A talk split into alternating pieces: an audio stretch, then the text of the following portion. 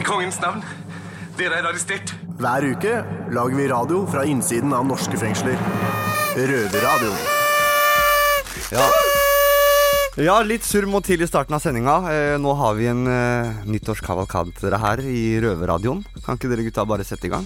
Det, det kan vi. Nå har vi rett og slett uh, spikka ned en, eh, en helt eh, En helt eh, knallbra sending. En kavalkade, rett og slett. Jeg heter Kenneth, og med Eh. meg har jeg med meg Oskar. Og Oskar. Nei, nei, nei, nei, nei, nei, nei. Tammyboy. Tommy. Ja. Tommy. Røverradioen. ja, da er vi i gang igjen. Da er vi i gang. Eh, da begynner vi med januar måned. Januar, ja. Helt i starten Da, av året. da, hadde jo, eh, da hadde vi jo besøk av bossen av kriminalomsorgen. Det var jo Marianne Vollan. Jeg heter Marianne Vollan og er leder for kriminalomsorgen. Alle fengsler, friomsorgskontorer osv. osv. Og og derfor så bestemmer jeg at du bør høre på Røverradioen. Da skal vi bevege oss over i februar måned. Og da eh, var det jo mye oppmerksomhet rundt en eh, spesiell fyr igjen. Og det var eh, Anders Bering Behring Breivik. Han hadde jo en del klager om eh, soningsforholdene sine, og denne diskusjonen her, den ble tatt opp i Røverradioen av eh, Alex og Chris og Mina. Du hører på Røverradioen, og her fra utsiden av de norske fengselsmurene så har vi to mannfolk fra overgangsbolig. eh, Røveren Chris og røveren Alex. Og nå er jo dere ute i det fri, gutta. Sånn halvveis, i hvert fall. Og så ser man at eh, Norge har jo gått bananas med Anders Behring Breivik, og han får erstatning fordi ja, soningsforholdet hans bryter menneskerettigheter og sånn. Hva, hva er det liksom første du tenker da, Alex, når du ser det? Han har jo pult uh, retten i ræva. Nå har han sprengt regjeringskvartalet og drept 77 mennesker. Og så Nei, det er hårreisende. Men hvorfor det? Er det ikke like rettigheter for alle? Altså, det er jo fint at man har de menneskerettighetene. Altså Bare fordi han har gjort noe som veldig få klarer å sette seg inn i engang, så betyr jo ikke det at han skal lide av det. Nei, jeg syns jo han burde bli sendt rett ut blant vanlige fanger, da. Okay. Så, så blir det som det blir. Men Chris, hva tenker du om det her med menneskerettighetene, og at uh, dem har blitt brutt, og at han får medhold? Jeg er helt enig i det. Altså, han er, vi bor i Norge, vi har rettssikkerhet her, og det gjelder for alle, samme faen hva man har gjort eller ikke. Så selvfølgelig, altså, hvis det blir brutt, så skal det rettes opp i, og det skal ikke bli brutt. Mener du han bør slippe på to tredjedeler òg, eller?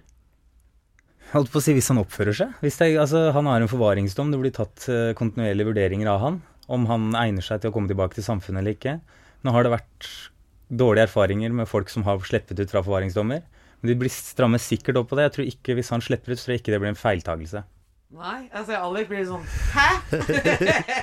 Ja, altså, jeg ser ikke for Altså, La oss nå være litt sånn logiske her. Altså, Han kommer ikke til å slippe ut. Nei, jeg tror ikke det heller. Lenge. Det er liksom ikke det det er snakk om. Men det ikke, kan det ikke være sånn gutta, at når han da har vært så mye i media, og det han har gjort, har berørt så jævlig mange mennesker, så ser man han som en sånn umenneske. Men det er jo veldig mange jævlige mennesker rett og slett som sitter inne, som vi ikke leser om i media. Du hører vel om dem i media. Altså, Saken blir jo hørt om, men altså, Ja. det, er ikke så, det berører ikke så mange som saken til Breivik. Mm. Men uh, jeg tenker at uh, selvfølgelig han er jævlig, men det fins andre folk som er jævlige òg. Vinterværet er i ferd med å gi seg, og vi er i mars måned. Mars måned, hva kommer det navnet der av, egentlig? Det er oppkalt etter sjokoladen. Er det det, ja? Noe annet som skjedde i mars, det var jo Da fikk jo eh, pikefengselet Bredtvet Da fikk de en ny eh, røver. Det var jo eh, gamle Heidi. Og hun eh, er ikke helt vanlig røver, hun. Hun er jo faktisk en bestemorrøver. Og det, det fikk vi høre da. Ja, det er veldig ålreit med en bestemor, da. Det er jo hyggelig overalt, det. Selv i fengsel. Det er jo det. Jeg, Nora, sitter her med Heidi. Og Heidi, du er jo bestemor. Hvordan er det å være bestemor i fengsel, egentlig? Kan du fortelle litt om det? Det er litt tøft. Du kjenner jo på et savn. Det er jo veldig stort å bli bestemor. For når du har barn, så når du er ung og får ditt eget barn, så er det veldig mye ansvar. Mens når du kommer i bestemorrollen, så kan du mer kose deg. Du har ikke det ansvaret, for det kan du overlate til foreldrene. Ja, Da har du privilegiet at du kan kose deg, og du kan skjemme dem litt bort. Mm, mm. Og jeg satt jo i fengselet. Jeg hadde venta og, og ønska meg å bli bestemor i flere år. Og når jeg havner i fengsel, så går det to måneder, så blir datteren min gravid. Oi. Og da kjente jeg jo på det at det å ikke få være der for hun under graviditeten, og være den støtten, Mm, den var tøff.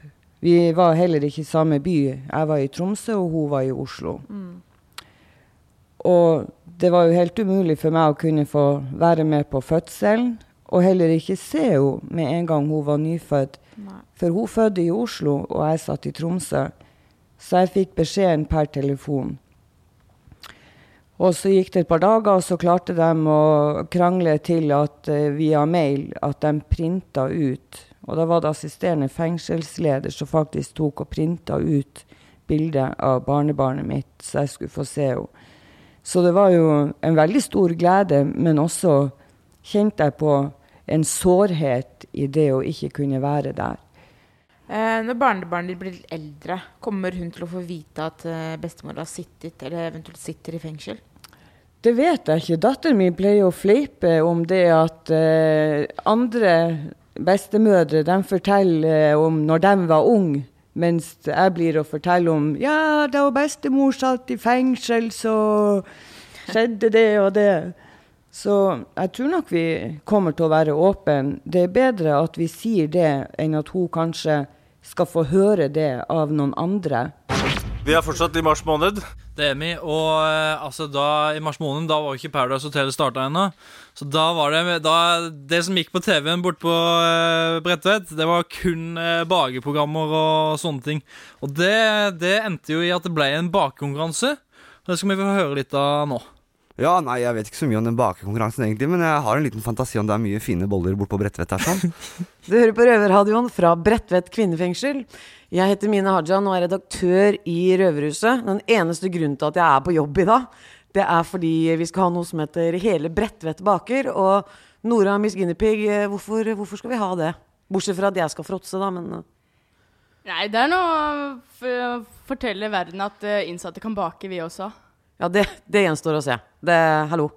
For jeg er Ja, også dommer og seks måneder gravid, så smaksløkene er helt på topp. Um, Nora, kake nummer én. Ja. Hvilken avdeling er det du representerer? To! To! OK. Um, For show. for show. Hva har du laga? Jeg har laget en uh, ostekake med browniebunn. Den er fantastisk. Å, herregud, jeg gleder meg. Ja, det hørtes ikke feil ut det der sånn, men eh, nå er det vel bare å hoppe videre til april. April er neste, og da er det vel på tide med litt aprilsnarr og diverse saker og ting. Ja, du kan jo, kan jo Ja, du kan jo kalle det det. Altså, det er mange forskjellige måter å komme seg ut av fengsel. Du har jo baufil eh, i eh, Nei, eh, fil i bløtkake.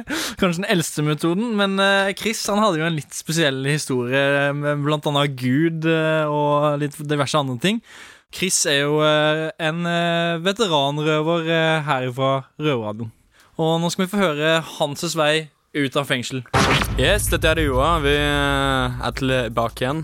Etter, vi fikk jo akkurat høre deg, Chris, at du prøvde å rømme. Eller fikk litt luft under vingen. Men det varte ikke så veldig lenge, for du kom jo tilbake igjen. Ja, jeg ble fanga. Så det? ble jeg satt i førsteavdeling her på B, sammen med alle Mm. gærningene. Det er sykeavdelingen eller noe sånt. Mm. Og jeg begynte å spinne videre på tanken hvordan jeg skal komme meg ut derfra. Ja. Og så sier ganggutten til meg der borte at du, det er jo bare hvis du vil på sjukehuset, bare tenner du på cella di. Sier jeg seriøst, er det sant? Ja ja, sier han. Det er bare å gjøre det. Ok, Så han hooka meg opp med masse dopapir og sånn, for det var ekstra. Okay. Og den gangen her så var jeg litt mer forberedt. da Jeg tok på meg privatklæra istedenfor den røde varetektsdressen. Ja.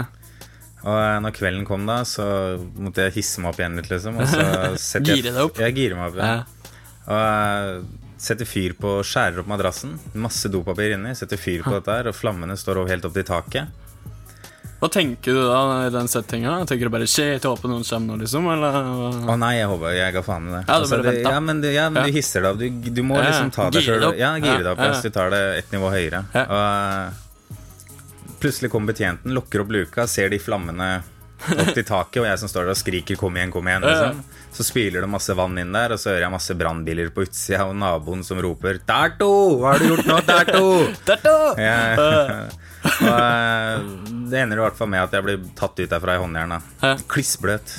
Den er spyle, ja. Så Kom dere ut? Ja, nei, altså Det som skjer, er sykepleieren kommer og så skal sjekke meg da når jeg ligger på gulvet der med håndjern på ryggen. Så hun ser om jeg har noe sot under nesa og i munnvikene, og det hadde jeg. Så jeg skal bli sendt på sykehuset. Og eh, på vei altså på båra da, ut i sykebilen så hører jeg en eller annen fengselsbetjent si 'Hvem i helvete er det som har gjort dette her nå?' Så er det en som sier Chris et eller annet. Da så hører jeg 'Fy faen, tror han dette er hotell, eller?' At han kan komme og gå som han vil. Såpass, ja. Så jeg blir kjørt opp på sykehuset. Og eh, den gangen her så var politiet bedre forberedt også. For nå eh, hadde de to vakter, og jeg ble lenka fast med håndjern til senga på hver side av senga. Og i et rom uten vindu. Og sitter der med døra åpen og ser disse nysgjerrige pasienter som går og titter inn med sånn nattkjoler på seg, og jeg ligger der inne som en utstillingsdyr. Og jeg tenker hva faen skal jeg gjøre nå, liksom? Altså, jeg har ikke kommet helt hit forgjeves. Så det jeg gjør, er at jeg sier til dama at jeg vil snakke med en psykolog. Og øh, sykepleieren henter en psykolog etter litt om og men, og jeg vet fortsatt ikke helt hva jeg skal si til han. Og når han kommer inn døra, så bare får jeg en sånn visjon, liksom. Jeg vet hva jeg skal si til han. Så jeg, når han kommer inn og sier hei, sier hysj, sier jeg til han. Så han bare bare Kom hit, kom hit, kom hit. Kom hit. Er? Så jeg, hører du det, eller De snakker dritt om meg. og Sånn. De sier jeg er stygg på håret, at jeg er feit, og at jeg er innvandrer. Og de, de snakker om meg hele tida. Så jeg ligger og hører på dem i fengsel og ligger ved celledøra hele natta og hører på dem snakke. Okay, paranoid, eh, Ja, ja, skikkelig Ja. gæren, liksom. Så han bare gir meg et sånt helt sinnssykt blikk, da. Og så bare Ja, jeg, tror eh, Et eller annet, så bare går han, liksom. Så kommer sykepleieren tilbake etterpå og sier at jeg skal bli sendt til Lovisenberg på observasjon, da. Ok, Så free det- pass. Ja, det er i hvert fall ett skritt nærmere friheten. Ja. da Så jeg delte opp i sånne etapper. Så kommer opp på Lovisenberg og sånn, og der var det masse gærninger. For der var de faen meg sjuke i huet, liksom. Ja. Så, og der oppe er ikke telefonen avlytta. Du får ikke lage mat sjøl pga. kniver og sånn. Så jeg lå bare og chilla og så på en sånn 50-tommer stor skjerm med TV og fikk grillsmørbrød servert og i fanget av noen hyggelige jenter der. Og, Ja, chill. ja, ja, ja. Så ringte jeg gutta, og de kom på besøk og sånn. Og fikk kose meg. Det kom noe godis og sånn. Det var jo nyttårsaften, dette her, så ja, du veit jo sjøl hva det betyr. Så delte jeg litt knark med de andre folka der. og sånn Da, da husker jeg det tok helt av på avdelingen der oppe. Alle de gærningene, For psykosene begynte akkurat å gi seg. Så gir jeg nark til dem. Så begynner de å flytte på bord og stoler og strømninger, så jeg fikk tilsnakk om det med knarket der oppe. da At, Ok. eh, ja, For de skjønte av meg, liksom. Og jeg sa det er ikke meg, det er ikke meg, men det var ikke noe hyggelig, da. Så skjønte jeg at de skulle kitte meg tilbake igjen til fengsel, liksom. Så da ringer jeg gutta og sier hei, dere må fikse en bil til meg. Mm. Så de parkerer en bil utafor Geitmyrsveien med en juskartong på taket og nøkkelen i tenninga. Og når de kommer på besøk, så tar de med en skrutrekker til meg, så jeg skal klare å skru av de hengslene på vinduet. Ja. Og eh, Genialt, da. Ja, ja, det var supert, det. Så det som skjer da til slutt, er at eh, de gir meg beskjed at jeg skal bli sendt hjem for å snakke med en eller annen fyr der, og han sier Mm. at du skal tilbake til fengselet, så jeg kan ta meg en dusj først. Selvfølgelig, sier han. Så jeg går inn i dusjen her, da, så manner meg opp igjen, da. Mm. Så du må bare gire deg opp for å få gjort ting. Ikke sant? Syke seg opp litt. Ja, ja. Så hopper jeg ut av vinduet og ødelegger beinet litt, da, men jeg setter meg i bilen og kjører Mm. av gårde og kommer meg unna. da Så melder jeg meg senere til rettssaken. Ok. Ja, fordi du har satt i varetekt, liksom? Ja, og da er det ikke ulovlig å stikke. Da var, vi, da var vi fortsatt i eh, den fine påskemåneden. Det var da Jesus eh, døde og sto opp fra de døde etter tre dager. Det er en knallmåned, det der. April, ja. Eh, ja men eh, hva var det som skjedde i april 2016, da?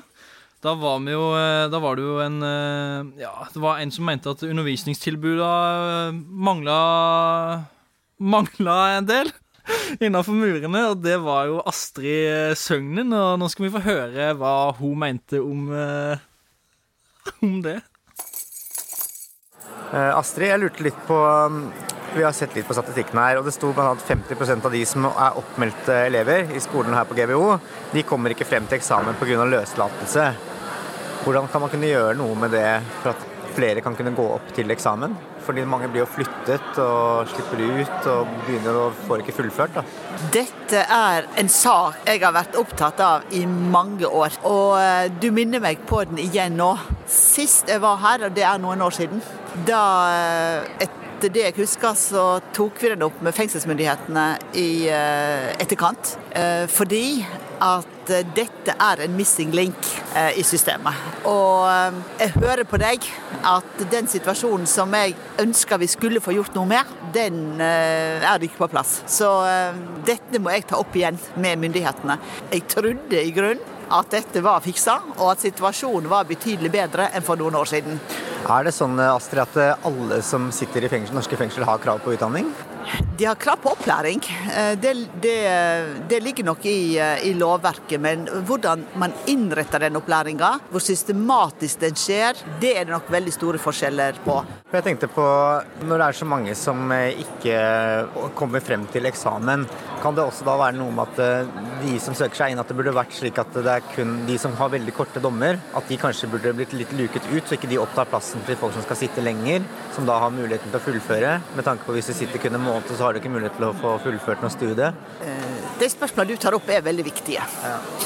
Og det er nok stor valgfrihet for den, for den enkelte skole å organisere seg på den måten. Jeg regner også med at her må man ha gode avtaler med fengselsmyndighetene. Sant? For det er jo to instanser her.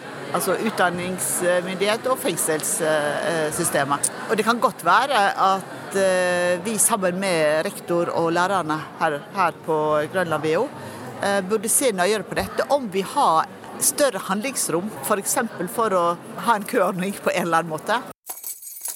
Ja, det, altså der eh, Det Beklager, det skjedde en liten eh, glipp eh, rett før det innslaget der. Det var jo, eh, det var jo, det var jo eh, vår røver Daniel som var eh, misfornøyd med undervisningstilbudet. Og derfor hadde han en prat med undervisningsdirektør Astrid Søgnen.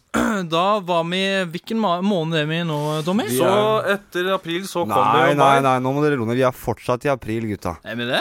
Ja, vi har én til på april. Nå handler det om vikkerne. Ja, VIC. Ja, Yes. ja, ja, ja, ja, ja, ja, ja. Fordi at uh, VIC, det er jo uh, Very Important uh, Criminals. Eller Very Intense Criminals. Ja, kanskje det er det. Ja, jeg vet ikke. Og de eh, Ja, de var jo eh, De er jo Very eh, interesting criminal. Du er på den lista, Tommy. Ja, ja kjært barn Det skal du ikke se bort ifra.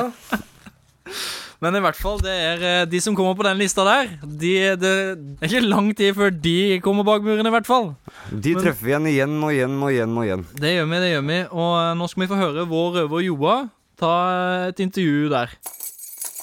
Eh, Det første gang i historien noen kriminelle faktisk frivillig inviterer deg til en prat. Uh, Velkommen til vårt fengselsstudio, Vibeke Skøyen fra VIK-prosjektet Very Important Criminals. Uh, Først, som jeg lurer på, så det er hva er VIK, egentlig? Ja, først vil jeg gjerne få takke for uh, invitasjonen. Det var hyggelig for uh, oss å, å komme hit til fengselet og snakke med dere. Eh, når det gjelder VIK, så er jo vår hovedoppgave da å sørge for at de som står på VIK-listen, hindres i å utøve ny kriminalitet. Og så skal vi også ha et helhetsblikk på kandidatene, sånn at vi følger opp under soning. soning. Så det vil si at de klientene vi har på, på listen, der oppdaterer vi oss på ny informasjon eh, hver dag. eh, og så følger vi opp den, in, eh, den eh, informasjonen vi, vi får. Mm. Ok. Uh, det er jo ganske spesielt navn på et norsk prosjekt, så hvorfor kaller det VIK?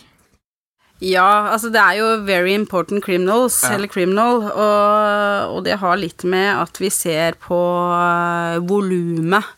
Um, altså nesten antallet kriminalitet som begås, og så plukker vi ut da eh, kandidater, eh, i hvert fall to ganger i året. Modererer kanskje listen noe, noe gjennom tidene.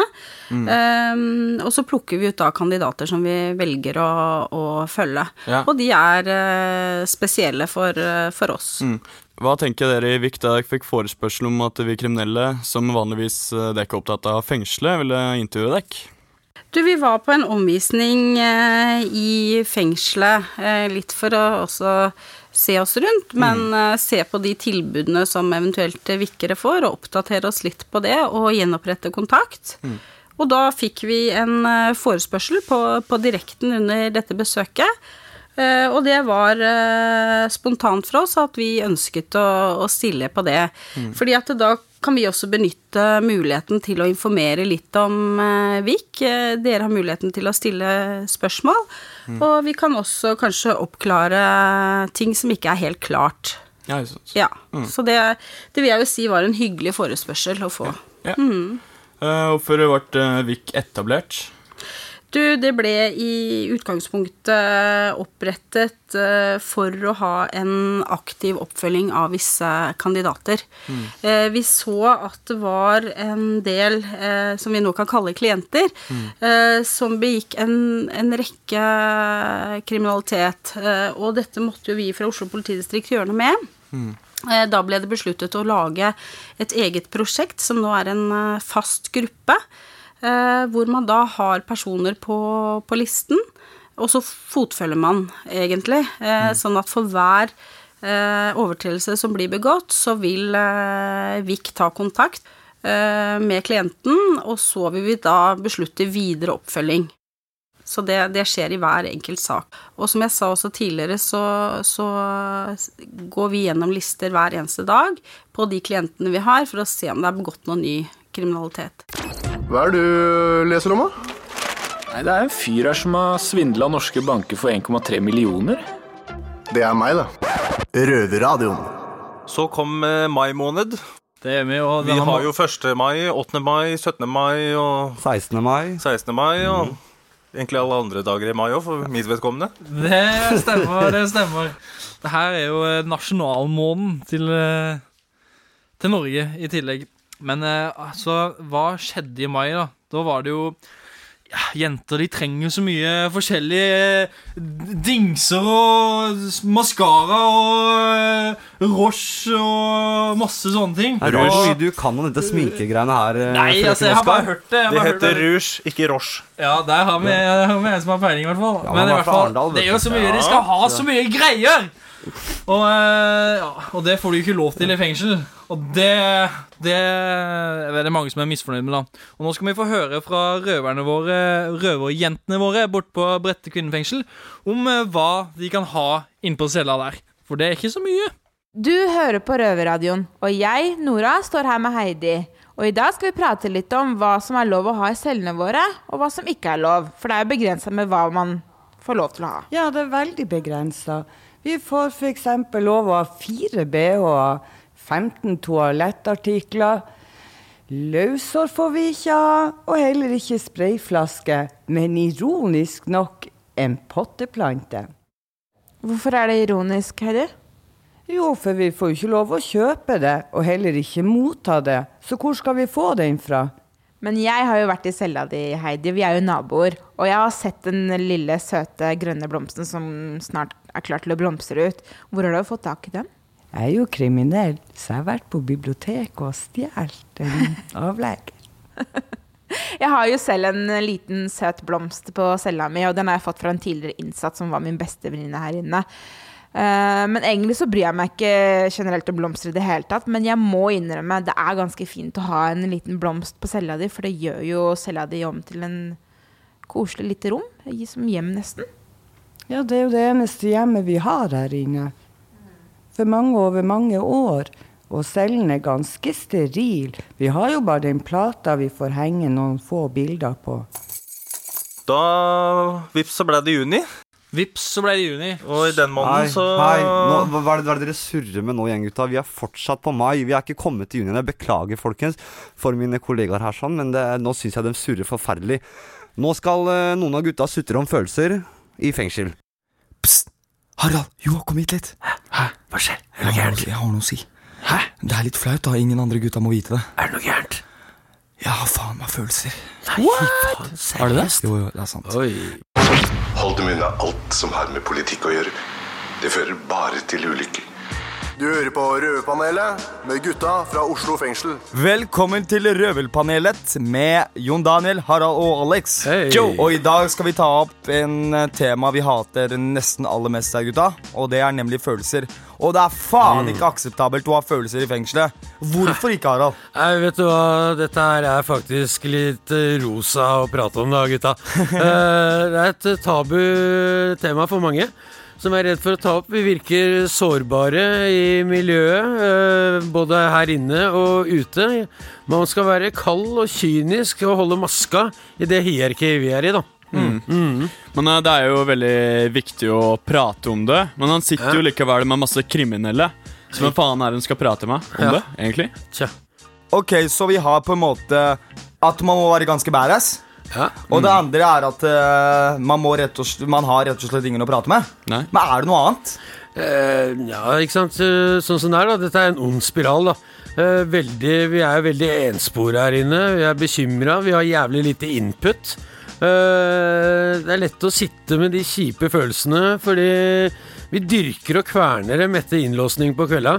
Eh, men det er jo sånn at vi kan jo ikke gå rundt og sutre til alt og alle da, om eh, hvordan vi har det, vi, hvordan vi føler, og ja, rett og slett hvordan hverdagen er hele tida. da. Mm. Det gir dårlig stemning.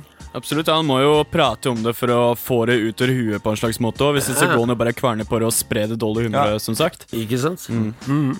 Men uansett, ifølge meg så må man snakke om det. Hvis ikke så blir man rett og slett gæren, gutta. Av å sitte der og bare gnage på det. Ja, det, det tærer på deg, og det kneler deg til slutt. da Det Ja. gjør faktisk det. Kjipt nok, men sånn er det. Det er det. Mm, men gutta, har dere noe råd, egentlig? Uh, noe råd? Ja.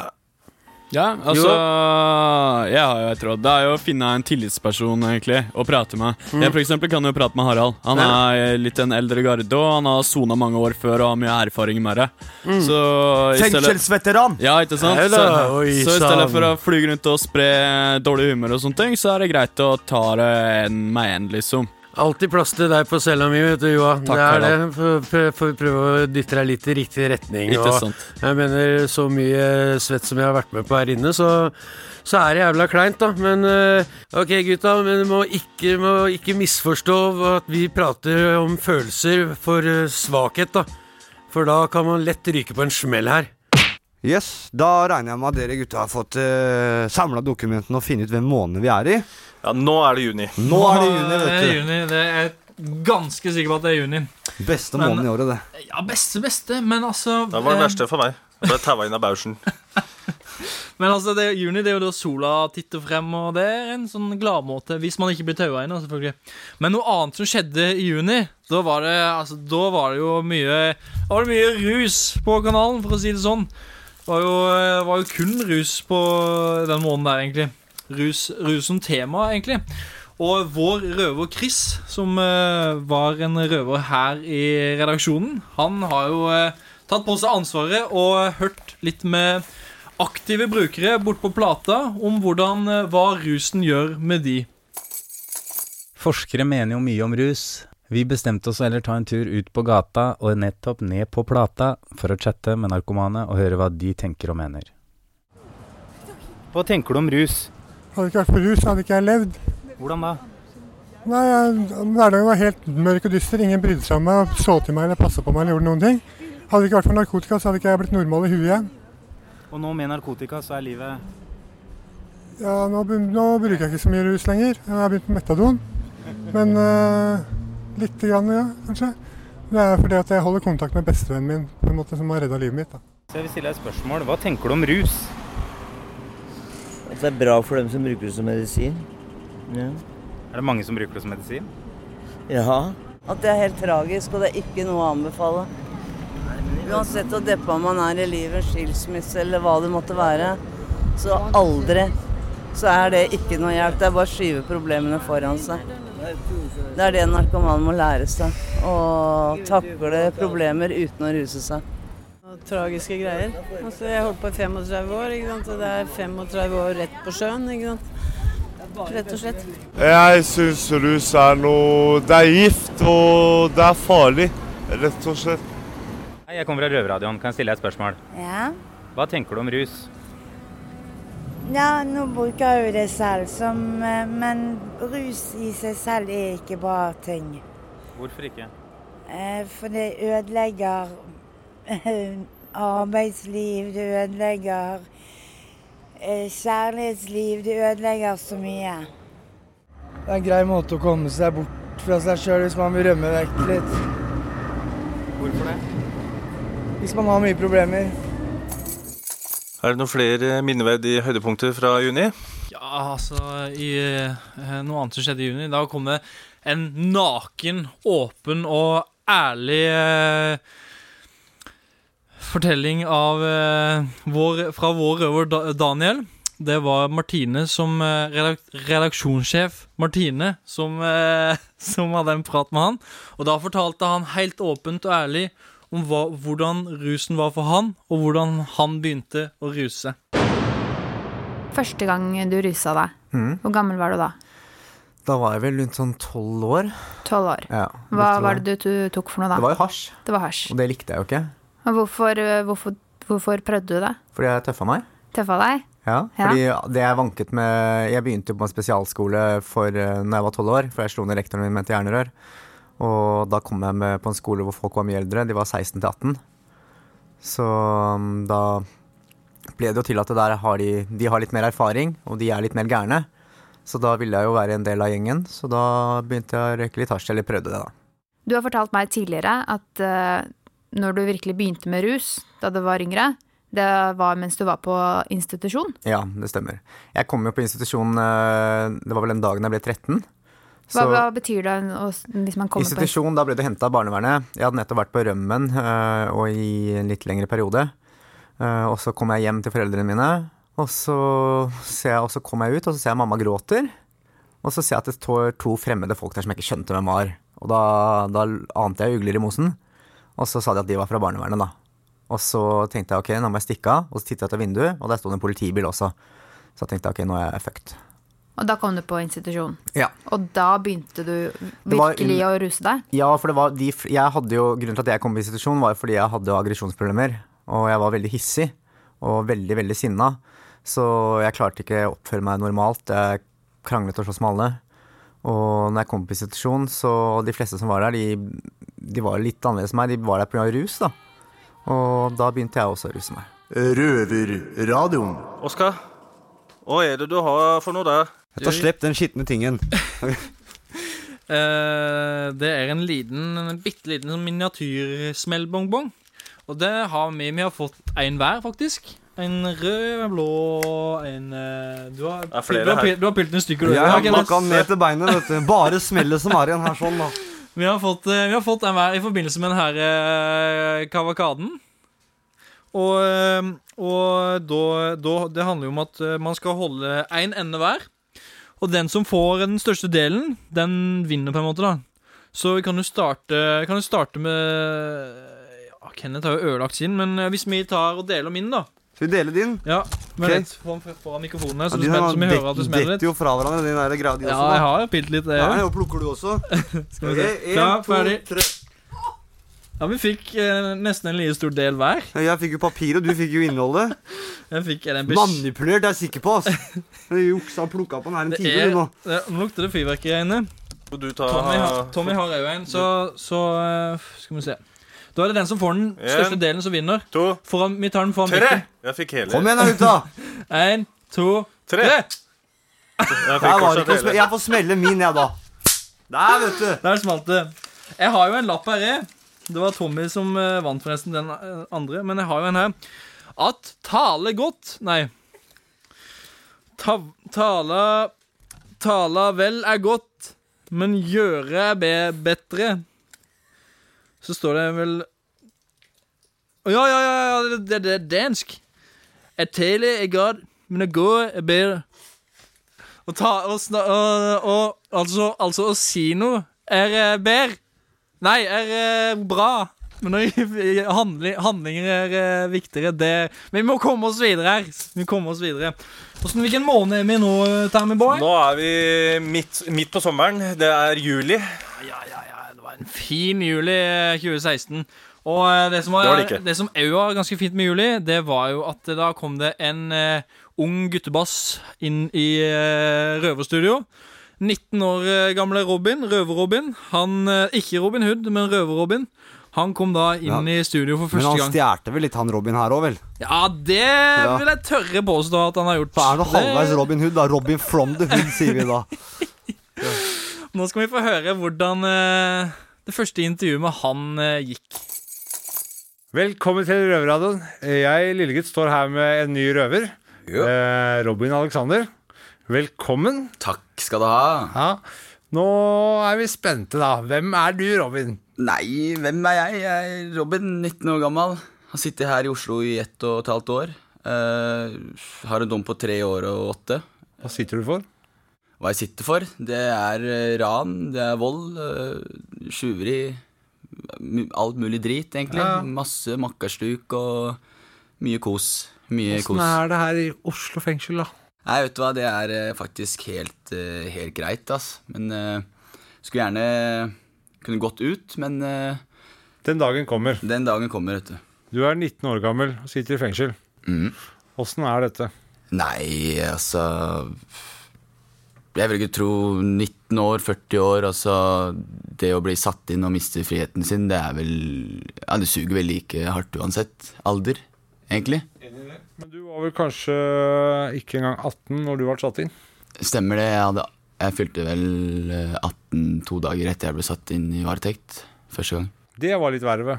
Nei, egentlig ikke, ass. Eh, Det eneste som sugde, var at jeg ikke fikk kjøpe røyk, ass. Det var jævla irriterende. Men eh, jeg tror ikke det er eh, Nei, som jeg sa i stad, så uansett alder så Det er er det kjipere å miste friheten sin, ass, egentlig.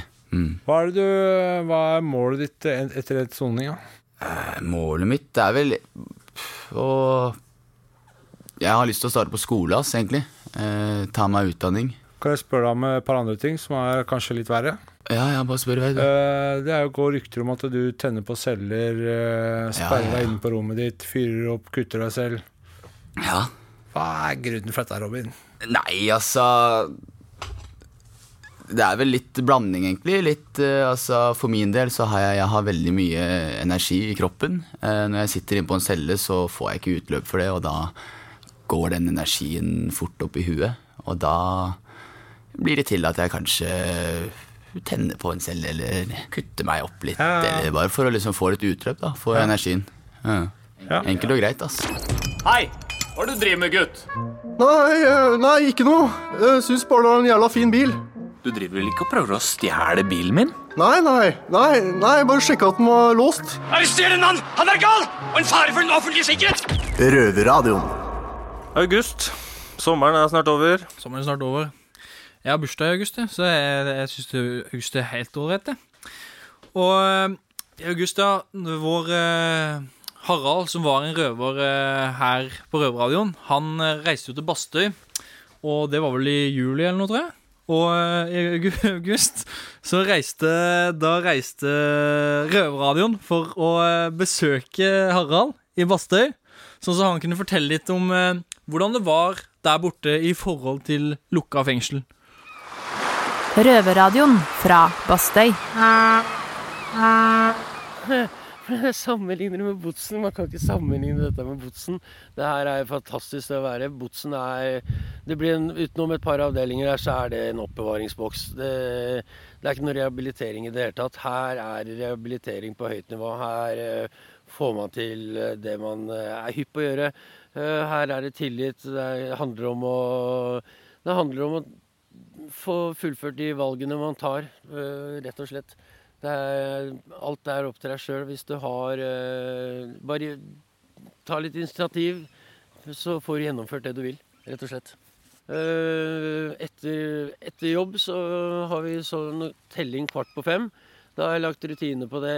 Var, vanligvis så var jeg ute og gikk en time i luftegården. Eh, her går jeg 50 minutter på én runde rundt øya. Ikke sant?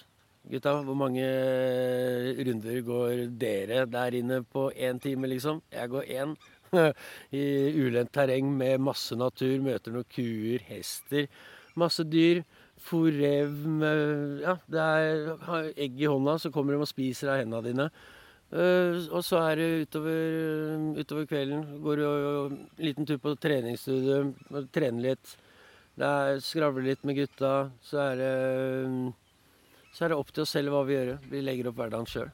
Vi kommer inn, så bor du på sånn inntakshus her, som er 16-17 stykker. Og så blir det slusa videre til, eh, til små hus hvor man bor fra det er ettmannshus, det er tomannshus, det er firemanns, seksmannshus. eh. Det, og hvis du kjenner noen, så kan du søke om å komme på hus sammen med dem. Eh, så um, er du heldig, så Jeg har kommet på hus med seks stykker, hvor eh, jeg kjenner jo eh, fire av dem. To av dem kjente jeg fra før av. Og de andre har jeg blitt kjent med mens jeg har spilt tennis her inne. skjønner du? Det er tennisbane her, da. Det er bare Vi får rørt på oss. Vi, vi, vi gror ikke fast. ikke sant? Du, du slipper med sånne der liggesår og sånne der plager. og Det er gode madrasser her. Jeg mener, en, dag på, på Bastøy er bare en knallbra dag, altså, egentlig. Med tanke på at du sitter i fengsel, da. ikke sant? Det er helt unikt der. Det er altså Og For de som ikke vet hva Bastøy er, så er det et åpent fengsel som ligger eh, ute på en øy. Et gammelt eh, barnehjem, faktisk. En fin liten øy hvor fangene kan springe fritt og ja. Gjette sauer og Ja. Dyrke gulrøtter og Ja. Gjøre alt vi ikke får gjøre. Jævler. Og vips, så var eh, sommeren eh, nesten over. September er her. Ja, det var den. Og eh, da var det jo en liten diskusjon her på Røverradioen. Det, det handla om en Frp-politiker, Peter N. Myhre, som gikk ut i media og kledde seg, kledde seg opp i bowlerhatt og sigar. Og mente på at han skulle kalle alleen utafor Bodsen Han skulle kalle den for Egon Olsens allé. Nei, nei, nei, nei, nei, nei. Hva var det for et forslag? I hvert fall så hadde jo mye en liten uh, Vi hadde jo en liten diskusjon uh, her i studio om hva vi syns egentlig burde hete. Og det var jo uh, selvfølgelig Nymannsalleen. Fordi at skal ikke, skal ikke skal ikke høre Olsenmann-sangen når du går ut fra fengsel og tenker at du skal inn igjen. Du skal jo bli en ny mann, og ikke kriminell, og bli god. Og eh, faktisk, det greiene her, det blir tatt opp til eh, byrådet, så eh, det blir nok ikke noe Egon Olsens allé, dessverre. Eller heldigvis. Ja. Så Videre. Det, så det var bra. Eh, altså, men eh, det var jo i september, og på den, i den måneden der så tok jo damene på Bredtvet opp, opp eh, noe som er litt sånn Litt sånn Kan være litt eh, Litt sånn eh, rart. Kjedelig? Og, ja, litt sånn eh, kjedelig og litt vanskelig å prate om. Og det er jo eh, Hva med de her som blir gravide kun for å få fordeler i fengsel? Hva er det for noe? Her på Bredtvet kvinnefengsel ser det ut som det kommer en økende problematikk, og det er det at det kommer bare flere og flere gravide inn til soning i fengsel. Jeg heter Ylva. Med meg har jeg Heidi og Miss Guinea Pig, og vi skal snakke litt om det å være gravid i fengsel. Hvordan tror du det er å være gravid, Heidi, og sitte i fengsel? Jeg tror at det må være veldig tøft. Ei psykisk eh, belastning på mange måter. Eh, Det er jo forskjellige problemer. Det er jo forskjellige tilfeller, ikke sant? Noen kommer inn og er under barnevernet. De vet at de skal ut og fø ungen. Ungen blir tatt ifra dem. Eh, Så har du utlendinger som kanskje er gravide i fengselet, som ikke vet om eh, familie vil komme og hente det, eller om de mister barnet til barnevernet, dem òg. Og så har du dem som sitter og skal ut og lurer på får jeg tid til å handle inn alt det barnet trenger før jeg slipper ut av fengselet, eller før jeg skal føde. Så har vi jo tidligere også i program vært innom psykisk helse. Eh, tror du den psykiske helsa Heidi, til eh, jenta som er gravid der inne, vil bli påvirka av at hun er, sitter i fengsel? Helt klart det vil være en psykisk belastning. Jeg vet jo om ei som sitter her nå, som eh, faktisk har opplevd det så skremmende at hun ikke bare har hatt det som vi kaller i Nord-Norge for kynnere, Mm. altså en del stikninger i underlivet, men hun begynte å blø og ble redd for eh, fosteret, og i tillegg begynte hun å fossblø neseblod når det gikk opp for henne at hun faktisk eh, satt ved siden av en som satt for drap. Eh, er det egoistisk eh, å bli gravid før du skal inn og sone? Jeg syns noen ganger at det kan virke som at eh, tidligere Jeg sona en gang før, og da hadde jeg også et tilfelle der det virka som hadde planlagt å være gravid når hun skulle inn til soning. Er det sånn at dere tror at noen av disse her er, eh, planlegger dette her med overlegg for å få en lettere soning? Ja, det tror jeg. Det tror jeg absolutt. Fordi at det er noe med at 'Å, se på meg, det er synd på meg, jeg er gravid', og sånne ting. Jeg tenker da at vet du hva, Hvis du har mer respekt overfor, overfor deg selv, gi faen i å bli gravid, liksom, når du skal i fengsel. Jeg er ikke helt enig i det, fordi at det er tilfeller hvor det ikke er planlagt, men et ønska barn, og hvor du kanskje bare har den ene muligheten. Personlig så sto jo jeg som ei ung jente og hadde fått beskjed fra lege og spesialister at jeg var blitt steril. Jeg kunne aldri få barn. Og ble i en alder av 18 år gravid. Hva gjør jeg da? Skal jeg ta abort, eller skal jeg beholde barnet? Og hvis jeg tar abort og aldri mer blir gravid, hva vil det gjøre med meg som menneske? Og jeg vil gå rundt der og klandre meg og ha det savnet etter det barnet som jeg visste jeg kunne ha fått. Svaret ditt er faktisk bort. ganske enkelt. Unngå kriminelle handlinger. Jo, ikke jobb svart.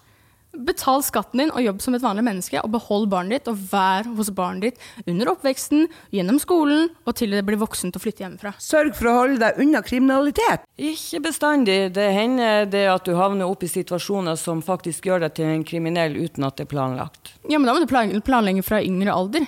Altså, ok, Vi sier du er ungdomskriminell, da. Da er du stuck i det, men du har faktisk en mulighet til å komme deg ut av det jeg, jeg, jeg tror vi har egentlig rota oss litt bort, egentlig, sånn egentlig diskusjon. For det jeg lurte på, det er om det er egoistisk å planlegge å bli gravid når man vent, vet at man har en påventende dom. Ja, det, Det vil være egoistisk å planlegge det. det, det er kan vi alle være enige om. Ja. Det ber du jo om at ungene skal ha det dritt, liksom. Men det er klart det at alle som kommer inn i fengsel og er gravid, har ikke nødvendigvis planlagt det og kan ha andre grunner, så vi skal ikke skjære alle under én Nei, kam. Nei, ikke. Så kom eh, oktober, og da var vel butikkene plutselig stappfulle av marsipangriser og pepperkaker eh, allerede. Hvorfor det? Det er jo snart jul. Ja, ja, ja, snart jul. Ja, Ja, De kommer tidlig, vet du. Ja, Nærmer oss nåtiden og greier, jo. Ja. Er i hvert fall høst. Det var ikke så lenge siden oktober, nei. Men uh, da fikk jo vi, uh, fikk, uh, Da fikk vi besøk av en yeah, en slags type politi, da. En Et uh, etikkdirektør. Per Arne Kalbakk. En som man kan uh, finne ut av hva som er ok og ikke ok å si på radio og TV. Og da havner jo uh, noen spørsmål om hva man egentlig kan og ikke kan si. Og vi her i radioen vi sier jo en del uh, sprø ting, så det var ganske greit å ha han innom en tur. Er det egentlig greit at pårørende til kanskje et drap plutselig hører gjerningspersonen på radioen? Ja, det skjer vel, eh, skjer vel eh, noen ganger. Eh, Det er jo helt åpenbart at det er en belastning eh, for pårørende til et drapsoffer å kanskje høre at eh, eh, drapsmannen eller drapskvinnen er programleder ja, i Røverradioen. Da. Og det skal vi ta hensyn til. Men samtidig så mener, mener jeg at forbrytelser de skal, de skal pådømmes og straffes, og man skal sone sin straff. Men det er ytringsfrihet her i landet, og jeg mener at det er viktig at også innsatte i fengsler har en, har en stemme og kan bidra med kanskje andre perspektiver på samfunnet enn det folk på utsida, utsida gjør. Og så er det noen begrensninger. Eh, Den programlederen som da kanskje har, eh, kanskje har drept noen eller eh, skadet noen alvorlig, deltatt i væpna ran som har traumatisert de som ble utsatt for ranet, da skal ikke den personen snakke om den saken på radio som programleder. Men å være på lufta og jobbe redaksjonelt, mener jeg det det er et gode for oss eh, som samfunn, og da må også eh, pårørende, ofre i kriminalsaker, tåle at, eh, at gjerningspersoner eh, har et liv og prøver å bidra med noe positivt på den måten. Yes, eh, jeg vil bare beklage til alle lytterne her ute at det blir, det blir litt mye surr akkurat nå. Du vet, Vi har akkurat spist masse god mat, og så har vi noe som heter live på tape, så vi Det får bare bli som det blir, rett og slett. Men nå, Ja, siste ja, vi glemte nå Ja, men sånn er det bare. Ikke noe å gjøre med det. Beklager. Men det vi glemte å ta opp, det er at han derre etikkredaktøren i, Han var ed- redaktør i NRK, og det ble veldig glemt og tatt opp. Men eh, bort fra det, gutta, hva har vi for noe videre? Hva skjedde i oktober? Altså Kan jeg bomme en røyk av det?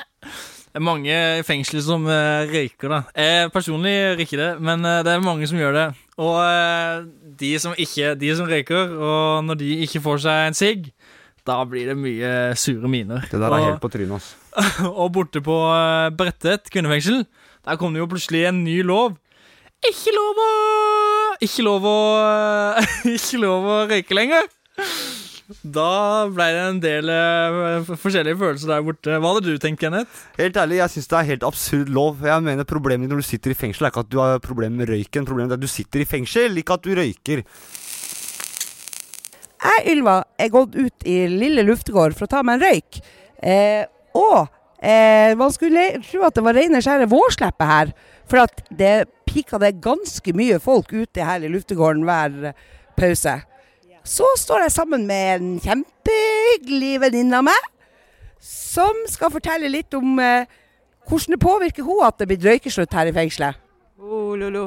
Det er veldig vanskelig for oss, fordi eh, de lovte oss som røykesluttkurs og sånn plaster og forskjellige greier, men vi har fått ingenting. Bare plutselig bam, og så ikke røyke. Og tok de tidlig på morgenen lighter og tobakken, alt fra oss. Og så det er selvfølgelig vi gjemmer litt i, overalt, men eh, ja, hvis vi blir tatt, så det blir vanskelig for oss. Når du sier at vi blir tatt, eh, hvis du blir tatt for å røyke på cella di, for det er jo det at man ikke får lov til å røyke på cella, hva er det som skjer da? Kan du fortelle litt om det, hvordan det påvirker hverdagen din? Ja, det er vanligvis det. Man jobber her for å få røyk, fordi vi tjener ikke så mye penger her. Men de sier at eh, hvis vi blir tatt f.eks. For, for å røyke på celle, så de skal ta penger fra oss, trekke fra sånn dagens penger. Og det blir Jeg vet ikke om eh, det skal noen som jobber lenge her. Fordi det går ikke og sånn. Så det er veldig vanskelig, kan jeg si sånn. Du sjøl, hvordan merker du det på sinn og sjel? Oi. Ja, som jeg røyka hele mitt liv, som jeg kan, kan huske meg, så det er veldig vanskelig for meg. Fordi jeg, jeg er litt uh, redd at jeg kan klikke på folk, og jeg er stressa og sånn. Ja, og jeg aldri hadde sånn snus uh, i mitt landet, og så nå må jeg begynne med det. så Så med andre ord, du er stressa? Ja, alle. Alle er veldig sinte og sånn, ja. Som vi hører, så er det jo en god del frustrasjon her ute på Bredtvet om dagen. Røverradioen fra Ja, da skal vi inn i november måned. Og hva skjedde da? Eh, da falt den første snøen. Gjorde den? Det gjorde den. Det er ikke så lenge siden. Det er en knapp Nei, en drøy måned siden. Men eh, ja, da var det jo eh, litt forskjellig eh, snakk om eh, sånn alternativ legemiddelbruk i fengselet. Og det skal eh, røverne fra Otto og Jørn fra Sarpsborg fengsel fortelle oss litt om nå. Hei sann, det er guttene fra Serp igjen. Du hører på Røverradioen. I dag tenkte vi skulle preke litt om helsetjenesten eh, innad i fengselet. Det er vel sånn at vi alle har eh, vært borti dem, og jeg regna med de fleste som sitter inne rundt om i fengselet her, har eh, møtt noe av samme motgangen som vi har gjort.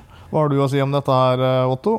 Ja, jeg har jo opplevd noen Ja, et par-tre episoder da, med helsetjenesten i fengselet.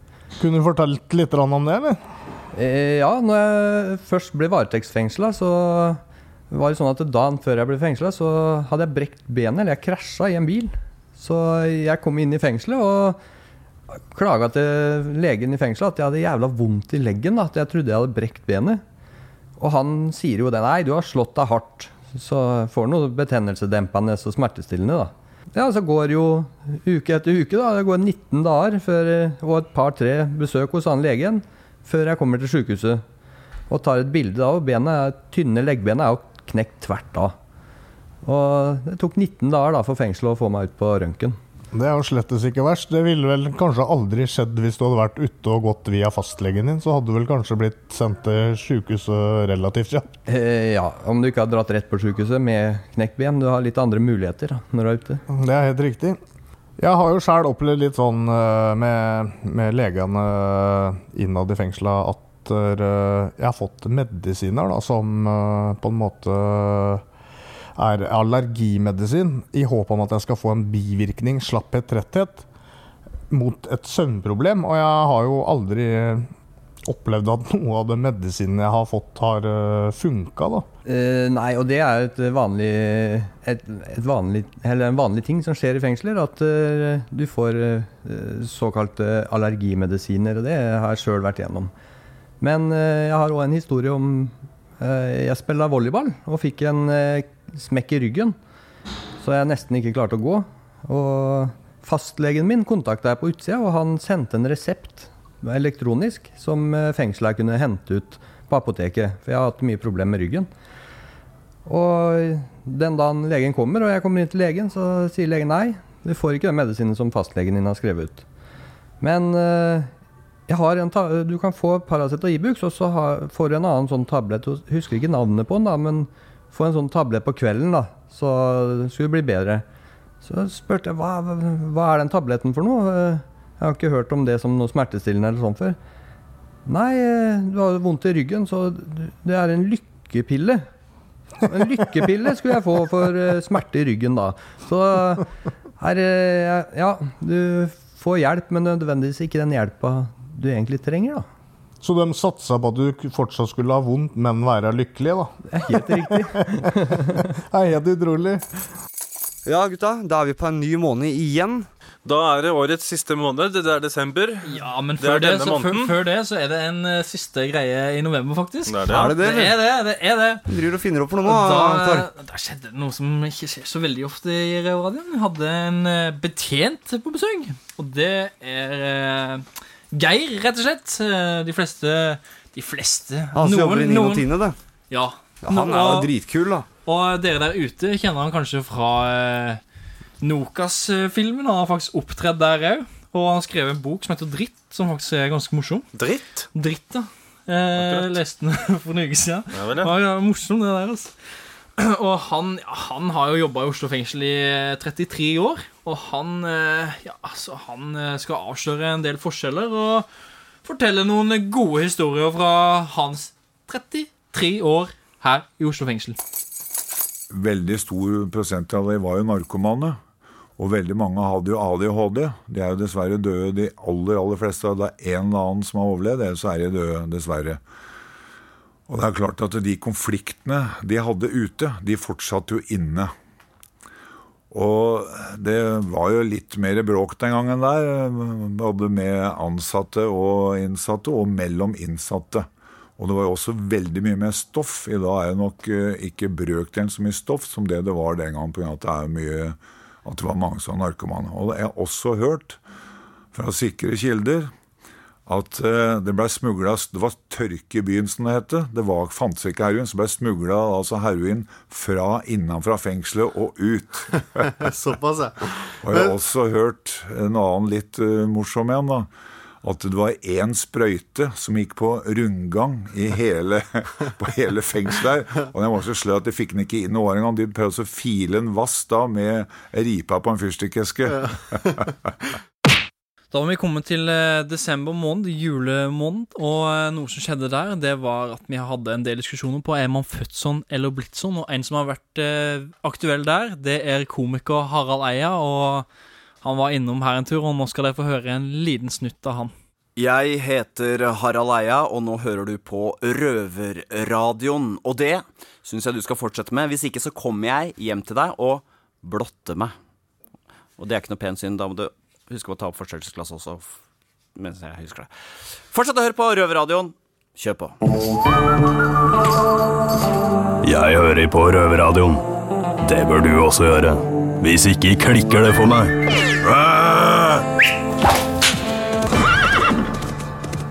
Som du sikkert hører, så er det bare med Oskar igjen eh, her i studio. Eller ikke igjen her i studio, men igjen av røverne her i studio. Tommy og Kenneth eh, ble henta litt tidligere enn meg. Vi er to forskjellige avdelinger, så da kan man bli henta i forskjellige tidspunkter. Akkurat nå ble de henta litt tidligere enn meg. Men eh, jeg tenkte kanskje også høre med eh, redigereren vår, Ola, om eh, du har lyst til å fortelle lytteren om hvor man kan høre oss. Vil du det, Ola? Har vel ikke så mye valg. Ja, du kan jo si nei. Men det er faktisk Jeg skal gjøre meg glede. Ja, Ola er klar, han. Så nå fikk du høre et eh, godt knippe utvalg av eh, ting som har skjedd på Røverradioen opp gjennom åra, men du fikk jo ikke alltid høre hele klippet. Og Hvis du vil gjøre det, så kan du gå inn på Soundcloud. Der finner du sendingene med musikk. Og hvis du ikke har så gira på musikken, så går du inn på iTunes, og der kan du abonnere på podkasten. Er ikke det ganske sykt, Oskar? Rett inn på telefonen din hver uke. Og det hadde vært deilig. det hadde vært deilig Skal bli godt å komme ut, ass. Og så kan du henge ut med oss eh, virtuelt og digitalt på Facebook og Twitter. Søker du på, ja, søker på Røverradioen, så klart.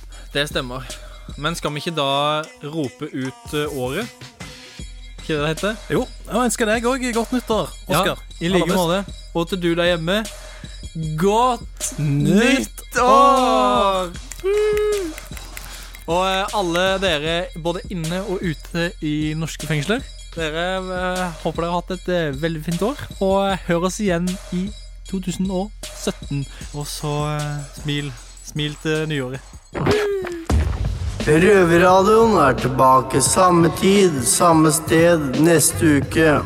Ha det godt. Når vi er ferdig med denne jobben, så er vi millionær.